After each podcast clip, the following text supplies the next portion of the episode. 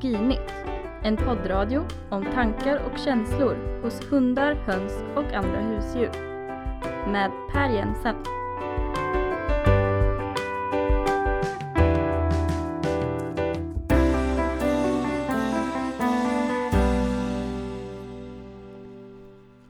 Mona, Ja, är du en sån där människa som brukar prata med dina hundar? ja, det gör jag. Det är kanske därför man har hundar lite va? För att ha någon att prata med. Eller? Ja, vad avhandlar du för samtalsämnen?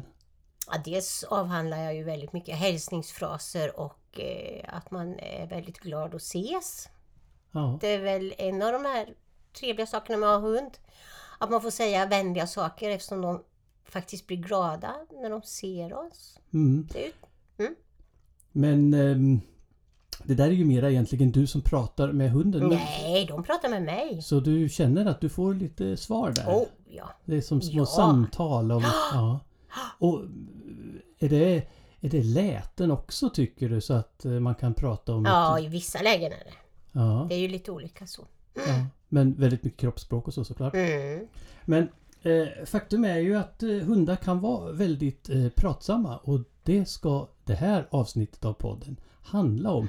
Nämligen hundars sätt att använda sin röst när de kommunicerar med oss människor.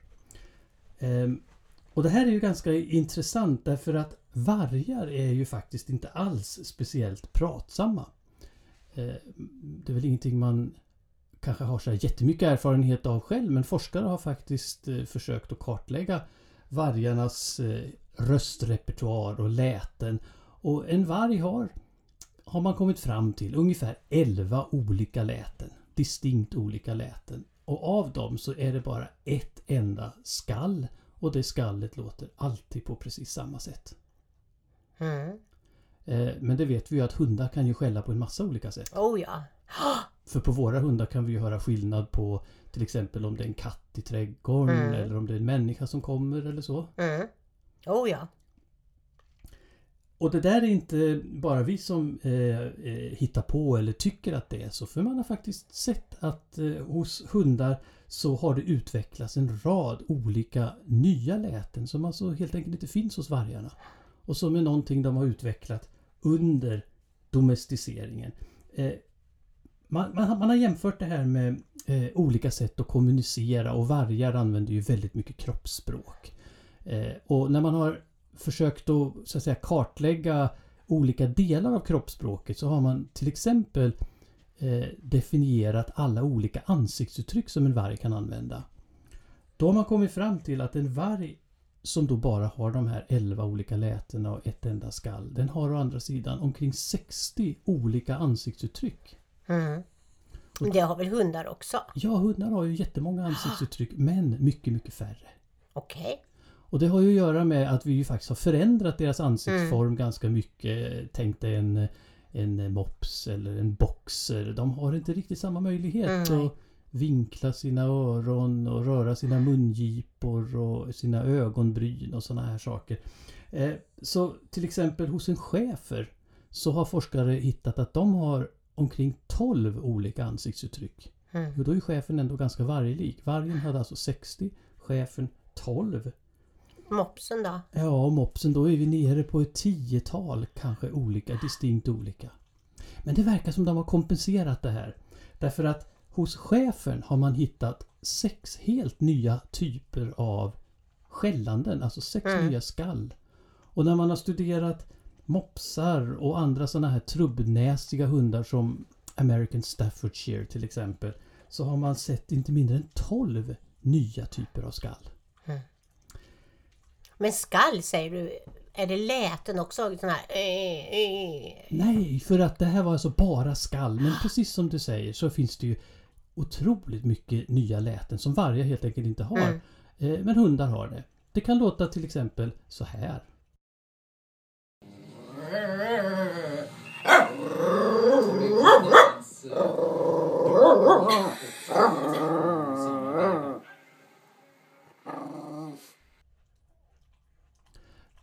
Ja, det där var Majken som bara gav ett litet exempel. För vi har ju två hundar. Majken och Nisse.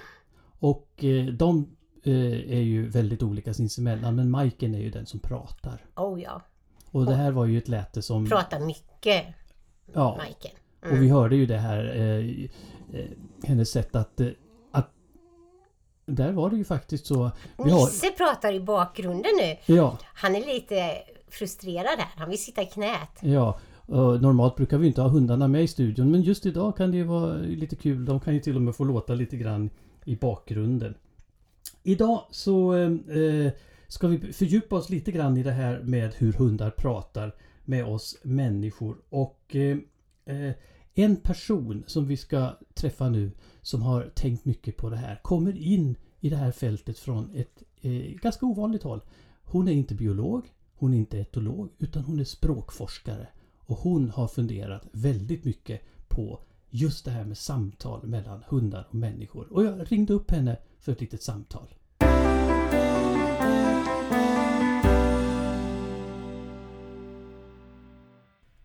Berit Aronsson, vad trevligt att ha dig med i den här podden Etologinytt. Eh, jag tänkte kan inte du börja med att berätta lite grann om din bakgrund? För du kommer ju ifrån ett kanske lite annorlunda verksamhetsfält än de vi normalt träffar på i den här podden. Ja, alltså precis. Eh, det här med hunderiet är ju för mig det är ett fritidsintresse som jag har hållit på med ända sedan jag var tioårsåldern.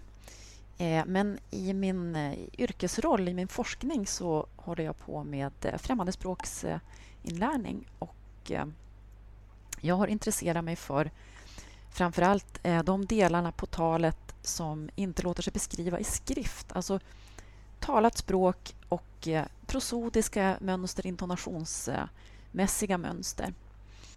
En av de saker jag har förstått som du har intresserat dig för i din forskning tidigare det är det här fenomenet som, som du kallar för turtagning. Och även om det kanske eh, faller sig ganska självklart när man sitter och pratar med en annan människa så är det ju ändå en rätt spännande sak att tänka på hur det där fungerar. Men du kanske skulle kunna berätta för våra lyssnare vad, vad begreppet turtagning betyder och eh, hur det fungerar när människor pratar med varandra. Ja, eh, turtagning det handlar ju om hur vi hela tiden anpassar oss till mottagaren i samtalet. Alltså vi vet hur vi ska göra för att mottagaren ska förstå att vi lämnar över turen. Och då har vi vissa mönster då i våra tonfall till exempel och hur vi accentuerar, hur vi betonar som gör att mottagaren vet att nu är det min tur att prata. Eh, och eh, det handlar ju hela tiden om att, att vi vill vara i samma kommunikationsbubbla. Det som man brukar kalla för common ground. Alltså vi strävar efter att förstå varandra hela tiden i den här interaktionen. Kan man till och med tänka sig att det här eh, sättet som vi eh, gör turtagning på kanske skiljer sig mellan olika språkområden? Att det finns liksom olika kulturer i hur man för ett samtal framåt? Ja, men absolut. Det finns absolut olika kulturer i hur man för det här samtalet. Eh, jag skulle vilja säga att det finns en del som är universell och en del som är språkspecifik. Och den här universella eh, delen, det skulle kunna, man kunna tänka sig att det handlar om att till exempel osäkerhet gärna visas med att man går upp i ton mycket. För det, då söker man mer feedback när man är osäker. Medan är man säker på sin sak och så vidare så går man ner i ton. Men jag, om man nu ska in i det här lite grann så tycker jag det som är liksom mest intressant för det språkspecifika det är artighetsstrategier. För vi har olika sätt att visa artighet på. Så att, och det har med det här eh, positiv och negativ politeness att göra, alltså positiv och negativ artighet. Att I vissa kulturer så är det mer så är artighet är det mer betrakt, betraktas som mer artigt att visa respekt för en mottagare genom att backa undan, inte tränga sig på. Och Det kan man visa, då kan man tänka sig intonationsmässigt med att man går ner i ton och liksom visar respekt. att Jag tränger mig inte på dig. Eh, Medan i andra kulturer så kan det vara så att man visar artighet eller ge artighet mot en mottagare genom att vara uppmärksam och genom att ge mycket feedbacksökande signaler så att man liksom visar att man uppmärksammar, är intresserad av dig. Jag är intresserad av att du svarar mig och att, av vad du har sagt.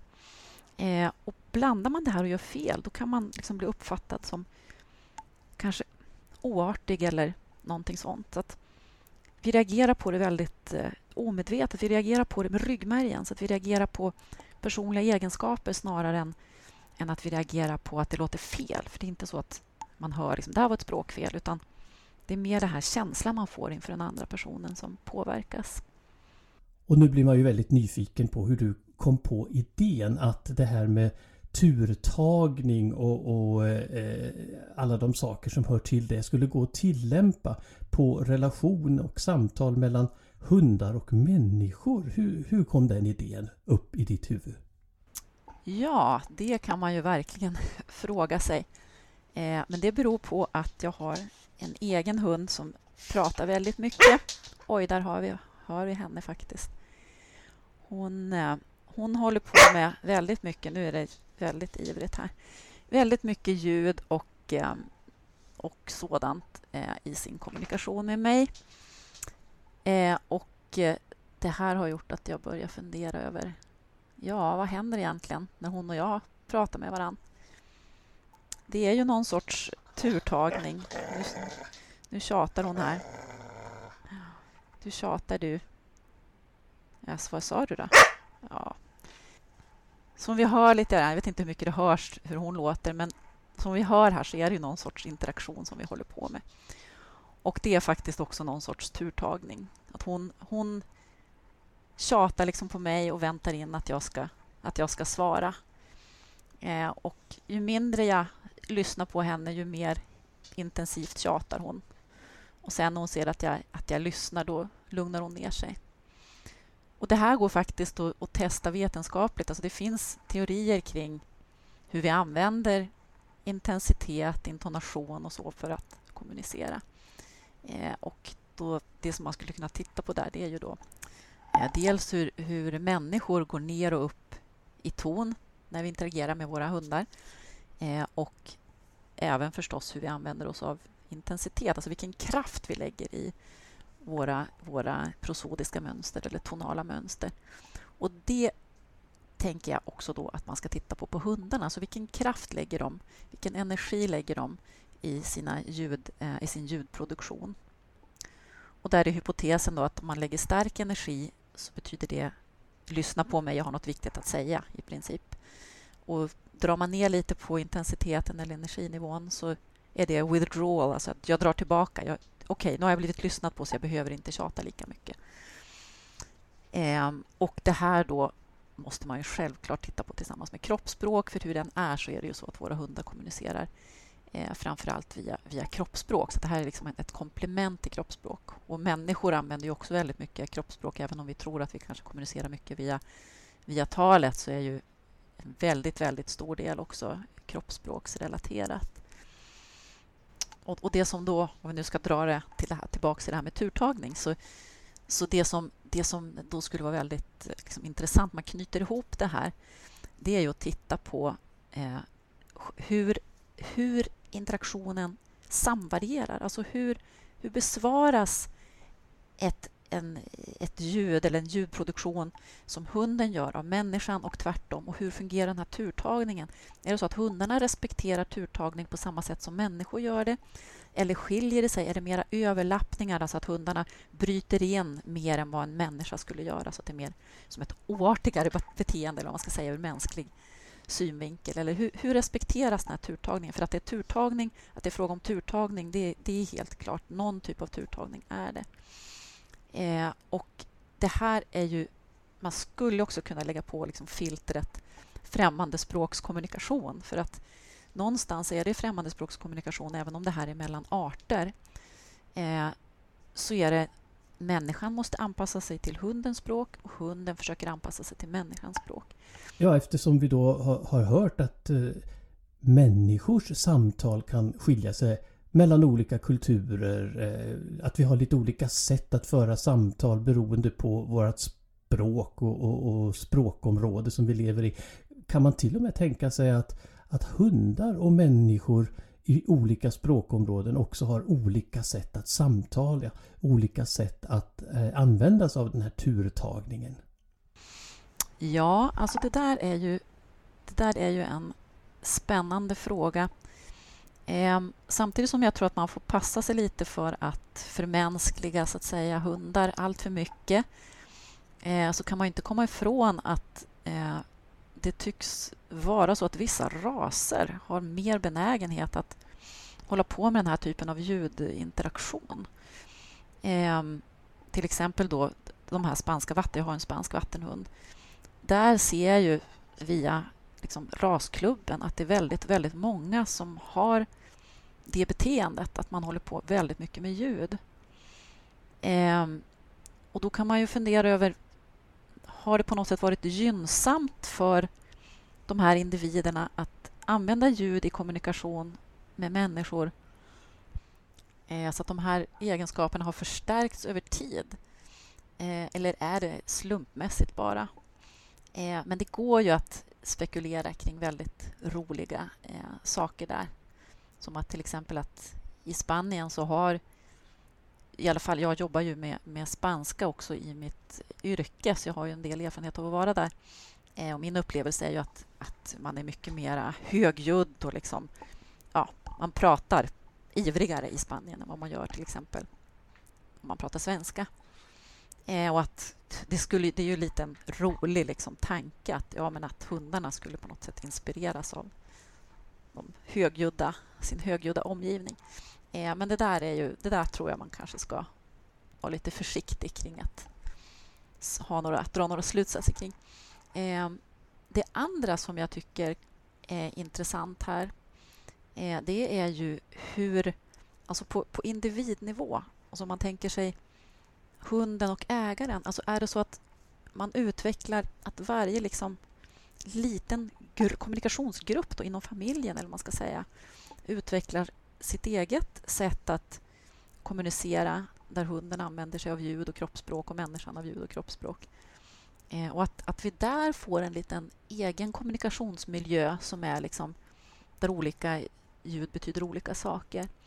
Eh, är det så det är, liksom att, att det är där vi ser, vi ser eh, systemet utvecklas eller är det så att om vi tittar på flera individer och flera sådana här kommunikationsmiljöer att vi kan hitta gemensamma drag i den här kommunikationen där vi kan se en, ett, en systematisk användning av, av ton eller ljud. Alltså på gruppnivå, alltså finns det ett system som är större än mikro, eh, mikronivån eller mikrosammanhanget, det vill säga familjen. Och Berit Aronsson, vad hoppas du nu kunna gå vidare med? Var ska det här leda? Vad ser du för intressant forskning i horisonten där man skulle kunna föra de här idéerna framåt? Ja, alltså jag har funderat ju kring de här sakerna och sen eh, känt att ja, men det vore väl genialt om man kunde kombinera lingvistiska teorier, särskilt då kring kring eh, fonetiska aspekter, alltså kring ljudproduktion i, i interaktion eh, med eh, etologiska teorier, det vill säga teorier som, som berör djurs beteende. Eh, om man kunde slå ihop de här liksom till ett, en helhetstäckande analysmodell.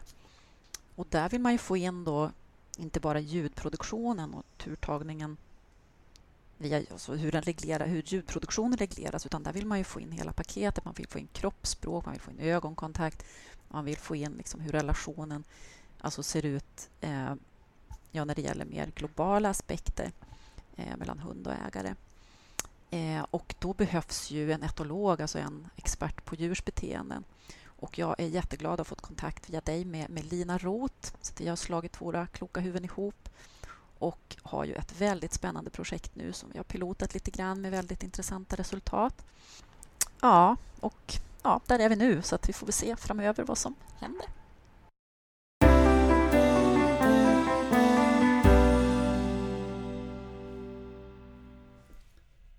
Det var Berit Aronsson eh, från Umeå universitet och eh, hon pratade ju här på slutet om en del intressant samarbete som hon har med Lina Roth vid Linköpings universitet. Och vi ska faktiskt träffa Lina Roth och höra lite mer om de här studierna eh, om en liten stund. Men, men först så tänkte jag, har du tänkt på det här Mona, när du pratar med våra hundar, att, att ni faktiskt samtalar? Ja, det gör jag absolut. Men det är ju ganska råa samtal, eller hur jag ska uttrycka mig. De är ju, jag vet oftast vad det handlar om. Ja, Men eh, Ma- Majken kan ju prata om eh, både det ena och det andra. Men det är... Och det handlar om att hon vill ha saker. ja det är nästan alltid... Nästan alltid att det är någon sak. Men sen är det att det saker kan ha hamnat under soffan och hon får inte fram dem. Och sen vill hon ha kanske något gott tuggben. Eller att hon vet att vi har lagt upp till exempel hennes tuggben på ett speciellt ställe och så. Hon kan prata. Jajamän. Ja, oh ja. Och, och, och jag tycker nog faktiskt att ni har en ganska bra samtalston. Ja, hon är ganska duktig på att hålla sin tur. Jag har faktiskt ett litet exempel här som vi ska eh, lyssna på. Det, eh, det här utspann sig i vårat kök här hemma. Jag tror att du står och skalar potatis eller någonting sånt och Majken är... Tycker är- väldigt mycket om potatisskalen. Exakt, hon vill väldigt gärna ha en liten smakbit. Och, men nu har hon fått det hon ska ha. Men hon är inte riktigt nöjd. Så hon tjatar väldigt mycket och ni har ett ganska spännande samtal. Ja, som kan tjata väldigt mycket. Ja, vi kan lyssna på det här.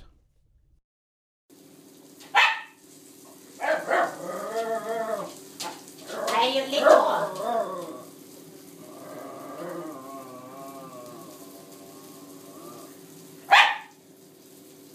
Du, jag orkar inte höra dig. Nej. Nej.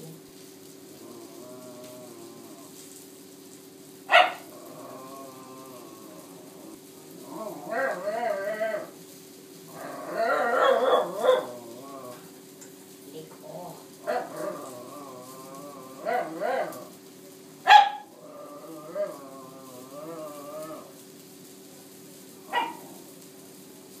Jaha.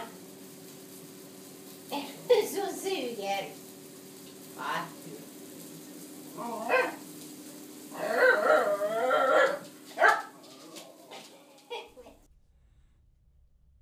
Ja, där var det eh, en, en diskussion kan man säga.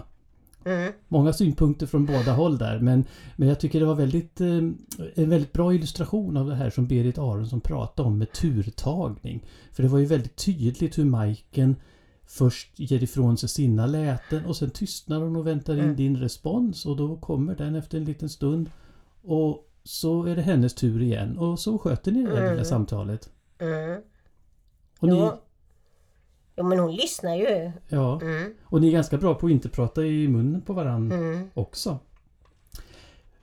Frågan är nu hur man ska komma vidare med det här och vad det här egentligen betyder. Har det någon som helst betydelse bortanför att eh, bara vara ett eh, intressant fenomen? Man kanske får något gott på köpet. Det är väl en stor betydelse. Det är det absolut och, och vi har ju redan konstaterat att de här lätena och den här rika repertoaren av läten som hundar har Det är ju något som har uppstått under domesticeringen och det är ju något som skiljer hundar ifrån vargar. Ett alldeles unikt beteende som de har och använder för att kommunicera med oss. Men det här kanske också faktiskt speglar djupare saker i relationen mellan hund och människa. Man kanske kan avläsa mer än vad man tror. Och det är här Lina Roth och hennes forskning kommer in i sammanhanget. Och jag gjorde så att jag pratade med Lina Roth och en av hennes studenter, nämligen Johanna Axelsson. Johanna Axelsson har precis presenterat sitt examensarbete i etologi där hon har studerat de här sakerna. Och eh, kort efter hennes framläggning, ja faktiskt eh, på lunchen samma dag som hon hade sitt seminarium, så fick jag ett litet samtal med henne och Lina.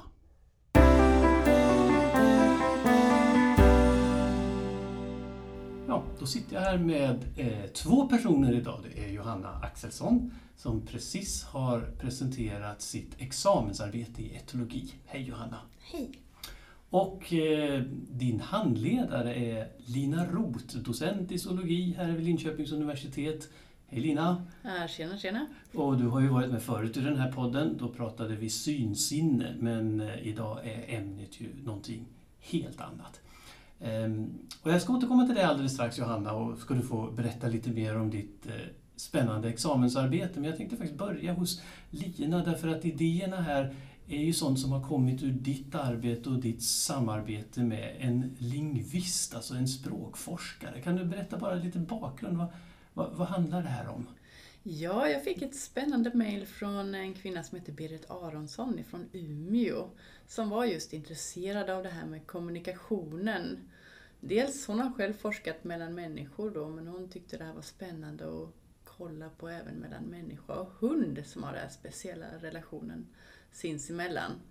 Eh, och eh, åren har gått och nu har vi kommit fram till lite idéer som vi nu då ville, ville testa och se om det, det fanns någonting att hämta här. Mm, och då handlar det alltså om kommunikation. Eh, kommunikation, varenda hundägare kommunicerar ju med sina hundar och man eh, tittar på deras kroppsspråk och sådana här saker. Men nu handlar det alltså om hundar som pratar. Ja, precis. Så nu, eh, nu är vi ute efter de här hundarna som gnyr och piper och gnäller när de vill ha någonting utav sin ägare. Ja, för det här är ju, det som är så speciellt med det här det är ju att det är ju ett beteende som inte är känt hos vargar, hundarnas förfäder. Så Mm. det bör ju ha varit någonting som har utvecklats under domesticeringen då, att, att hundarna helt enkelt har fått den här egenskapen att kunna ja, nästan prata. De flesta hundägare känner väl igen det här att, och då, då brukar man ju kalla det för att hunden pratar. Ja, precis. Så det här har ju nu då, tänker vi, har uppkommit under den här långa tiden som vi har haft tillsammans med hunden då. Och en alldeles speciell aspekt av det här pratet då, det är ju någonting som man brukar kalla för turtagning. Och eh, där Johanna kommer ditt examensarbete in Mm. i, det hela. Eh, så turtagning, vad, vad är det för något? Ja, som sagt så kan det lite förenklat förklaras som snabba växlingar mellan två parter i en Som- konversation. Nu när jag bryter in i din Precis, precis. Så det här är lite turtagning vi Precis. gör just nu. Och det är ju ganska självklart för människor. eh, Men om man kollar lite närmare på det så är det ett ganska komplext beteende.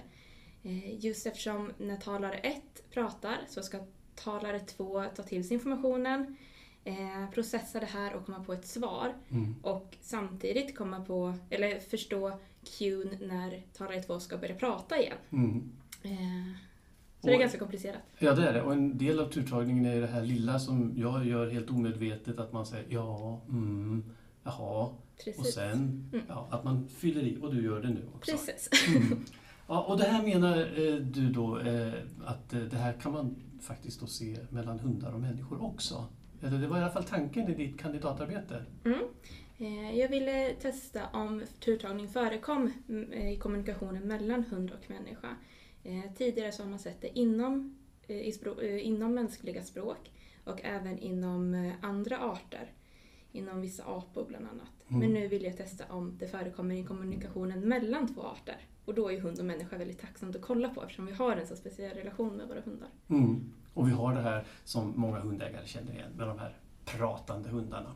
Precis. Så för att göra det här så behövde du lite hundar och så, men jag tänker att Lina, du var väl ganska inblandad i att eh, få fram villiga personer och deras hundar. Hur, Ja. hur, hur gör man för att få tag på folk som har hundar som pratar? Ja, alltså i dessa tider så använder vi mycket sociala medier faktiskt och sträck, försöker nå ut till eh, engagerade hundägare. Så det var så vi gjorde även den här gången. Så folk fick anmäla sig och säga att jag har en hund som pratar, ni kan få studera den. Precis så gick det till. Aha. Ibland är det enkelt att göra ja, speciellt med engagerade hundägare. Väldigt tacksamt. Så eh, eh, du åkte helt enkelt hem till de här Johanna. Precis. Eh, Hur, bar, hur bar du det åt då, rent tekniskt? Eh, vi använde varsin mikrofon, på, eller en mikrofon på hunden och en mikrofon på ägaren. Eh, och så spelade vi även in med videokamera. Eh, och tanken var ju att spela in en konversation som var så naturlig som möjligt eh, mellan hund och ägare. Men vi ville även ha någon typ av standardiserad metod eftersom det inte skulle variera allt för mycket mellan, och- eh, mellan hundarna. Eh, så de fick, ägarna fick ett lite lättare manus Mm. som var väldigt fåordigt men ungefär var hur de skulle leda konversationen till. Då. Kan, kan du liksom ge något exempel? Vad, vad skulle de säga till sin hund? Och, och, för jag, jag har en hund som pratar hemma, och, men den pratar ju bara när den själv vill. Mm. Det är inte så himla lätt att få den att och, och prata på beställning. Nej, precis. Så vi skapade en situation eh, där vi antog att hunden ville ha någonting av människan, eller av sin ägare.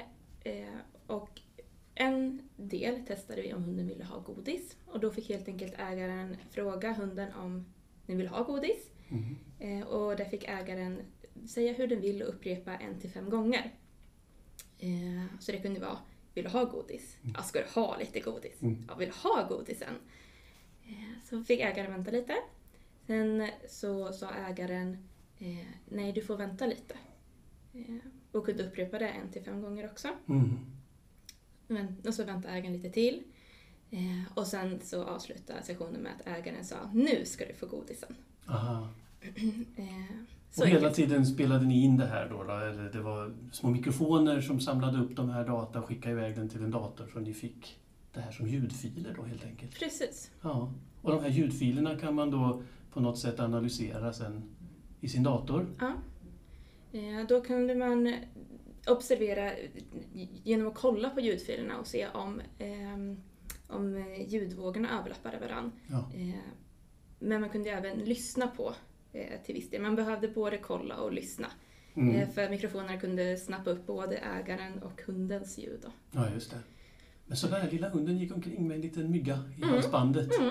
Ja. Och det gick faktiskt jättebra. Det var en hund som var lite intresserad av att käka på den. Ja. Men eh, annars gick det bra.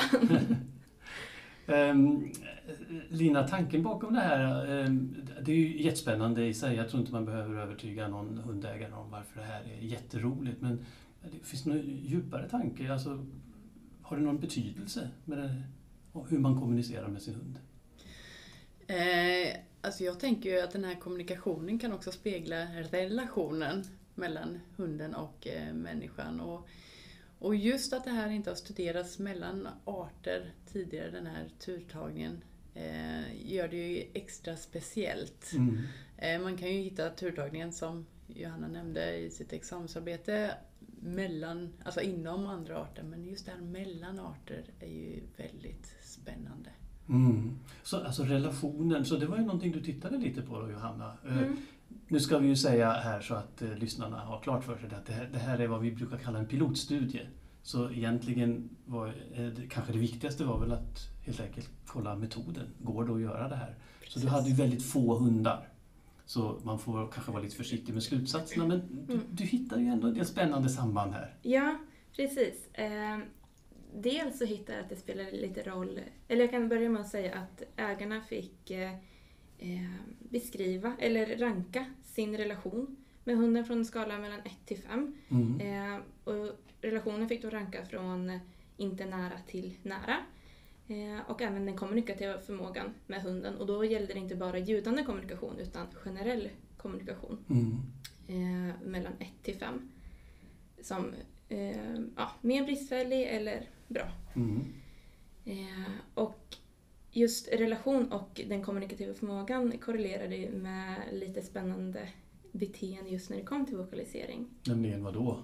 Eh, ja, att mer överlapp förekom om eh, relationen upplevdes som mindre nära eller om den kommunikativa förmågan upplevdes som mer bristfällig. Så överlapp, alltså, ehm, vad, vad betyder det i det här sammanhanget? Ja, i det här sammanhanget så innebär överlapp eh, frånvaron av turtagning, alltså att man pratar i mun på varandra. Ja, just det. Och så att ju mer, man, ju mer hundägarna i den här lilla studien pratade i mun med sina hundar, desto sämre upplevde de sin relation. Precis. Mm. Men det var annat också, du kunde se på beteendet hos hundarna att det också hade ett samband med överlappet. Mm. Eh, när jag kollar på vokalisering generellt eh, så vokaliserade hunden, eller de viftade mer på svansen och sökte mer ögonkontakt om de vokaliserade mer. Eh, och när det kom till just överlapp, så om mer överlapp förekom så slickade de sig mer om munnen. Och det här med munslickning, det, det är ju ett lite speciellt beteende. Det Mm. var, var är det lite stressrelaterat, eller vad ska vi kalla det för? Ja, det ses ju... Det är ju ett, en lugnan, ett lugnande beteende eh, som kan vara på grund av stress. Det kan Mm. vara på grund av positiv stress också, men just att det är en stressfull situation för hunden. Mm. Eh, vilket kan antyda då att överlapp gör hunden mer stressad. Mm. Så ditt examensarbete visar för det första då att man kan mäta det här. För det andra att det förekommer någon typ av turtagning, alltså att man pratar med sin hund. Folk i allmänhet pratar med sina hundar ungefär som vi pratar med varandra just nu. Mm. Och att det här har någonting att göra med relationen mellan hunden och människan. Mm. Precis. Det är ju otroligt spännande. Ja, väldigt spännande. Hur går man vidare med det här då, Lina? Nu vill vi ha ännu fler hundar i det här projektet såklart så att vi kan få eh, kolla lite mer statistiskt på det här och eh, koppla lite mer starkare beteenden till överlapp eller eh, turtagningen. Mm. Eh, och, och här finns det konkreta planer. Det är någon, det nya studenter på rad här för att eh, vara med i det här. Oh ja, oh ja. Så vi har en som är redan i startgroparna här men att förfina metoden lite och gå vidare och börja samla in, eh, samla in deltagare inför hösten. Ehm, Så det kan vi väl säga till lyssnarna att är det så att det är någon där ute som har en hund som tycker om att prata så hör av er för jösse namn så kanske ni kan vara med i den här studien. Precis, håll ögonen öppna efter våra utannonseringar. Mm. Johanna, du gjorde ju en jättebra presentation av ditt examensarbete idag på vårt examensseminarium som vi har haft här på Linköpings universitet. Eh, Vad hände med dig nu då? Eh, det är lite oklart just nu. Eh, jag är intresserad av att läsa mastern Mm. här vid Linköpings universitet. Så vi får väl se vad som händer därefter. Hundar är extremt intressant och speciellt relationen mellan människa och hund och hur vi har hur vi samexisterar med dem och hur vi kommunicerar. Det är ju väldigt spännande. Det tror jag de flesta lyssnarna håller med om. Mm. Verkligen.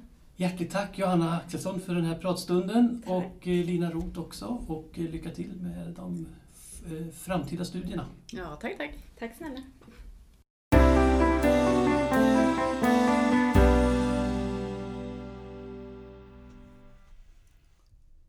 Ja, om man då har en hund hemma som eh, pratar och som man tycker skulle vara kul att anmäla till den här studien, vad ska man då göra? Ja, det enklaste sättet att hitta våran länk är nog att gå in via Facebook. Och där ska man leta reda på en eh, Facebook-sida som heter Dog Research at Linköping University. Dog Research at Linköping University. Och där hittar man länken till ett litet anmälningsformulär. Så skriver man in några rader om eh, vem man är och, och sådär. Och så eh, kommer våra eh, forskare och studenter att höra av sig så småningom. Men frågan är nu, eh, det, här låter ju intressant alltihop. Eh, Vi pratar med våra hundar, de säger saker, vi säger saker. I det allra första avsnittet eh, av den här podden så pratade vi eh, en hel del om hur mycket hundar faktiskt förstår av vårt Mm. talade språk. Mm. Och det vet vi ju att det, idag att det, det är ju betydligt mer än vad man tänkte sig Mm. förr i tiden. Man trodde att de bara lyssnade på tonfall och så.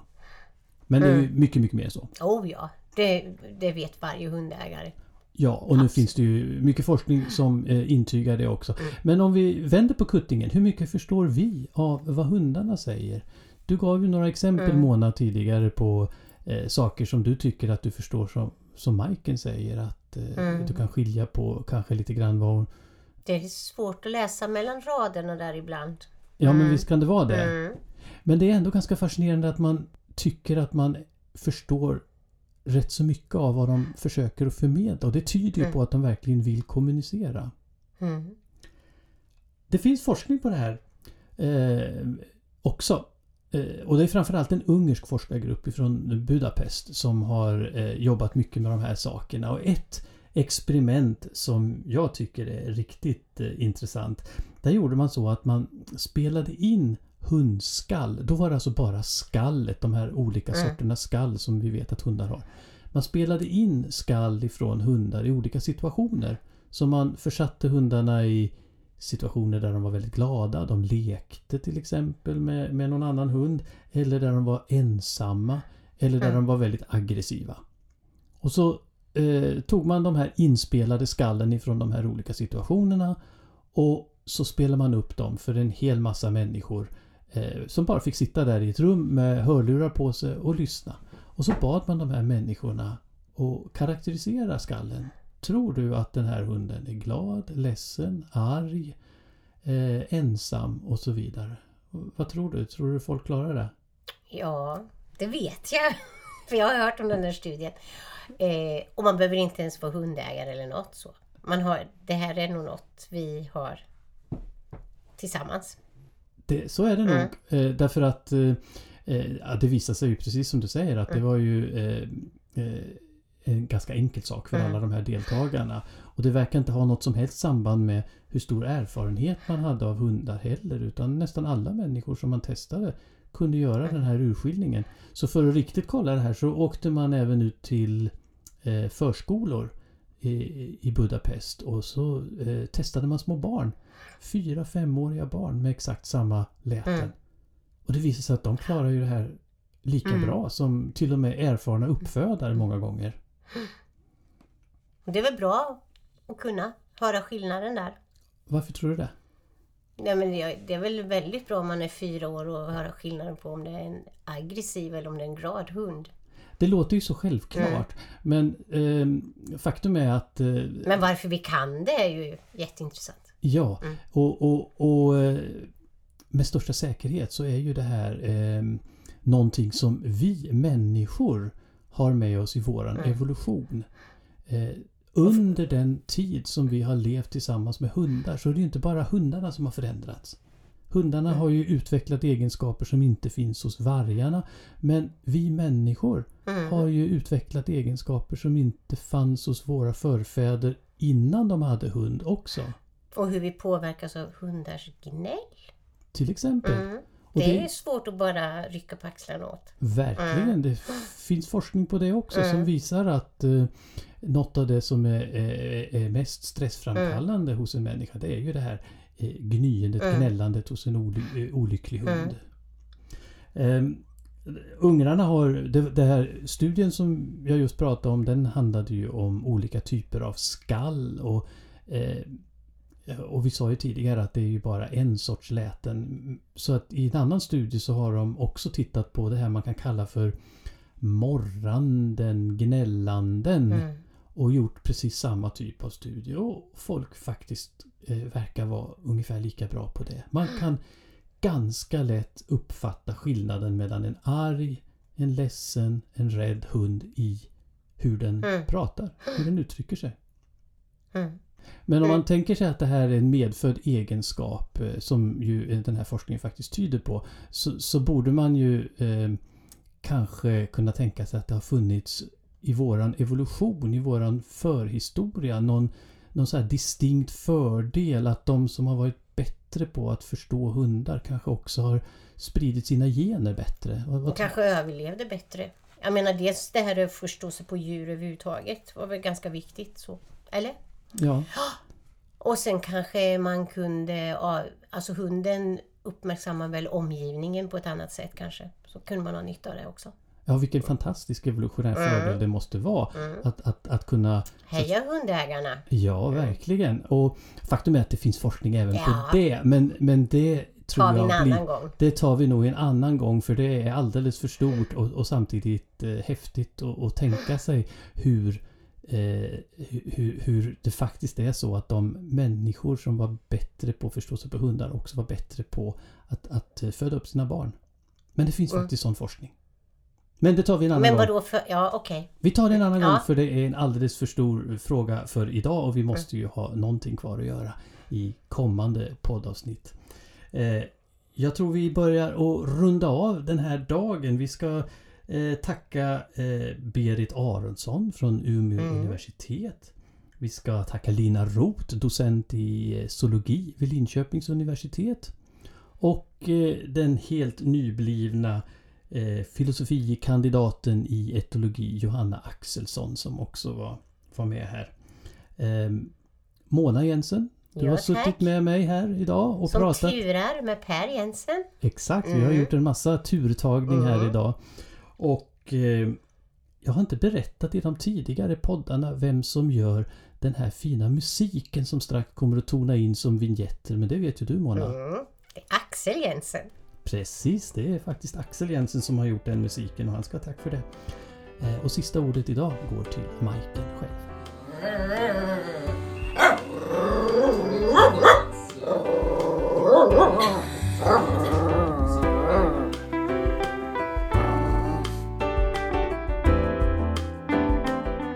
Du har hört Etologinytt, en poddradio från text, tal och ton. Producent och programledare var Per Jensen.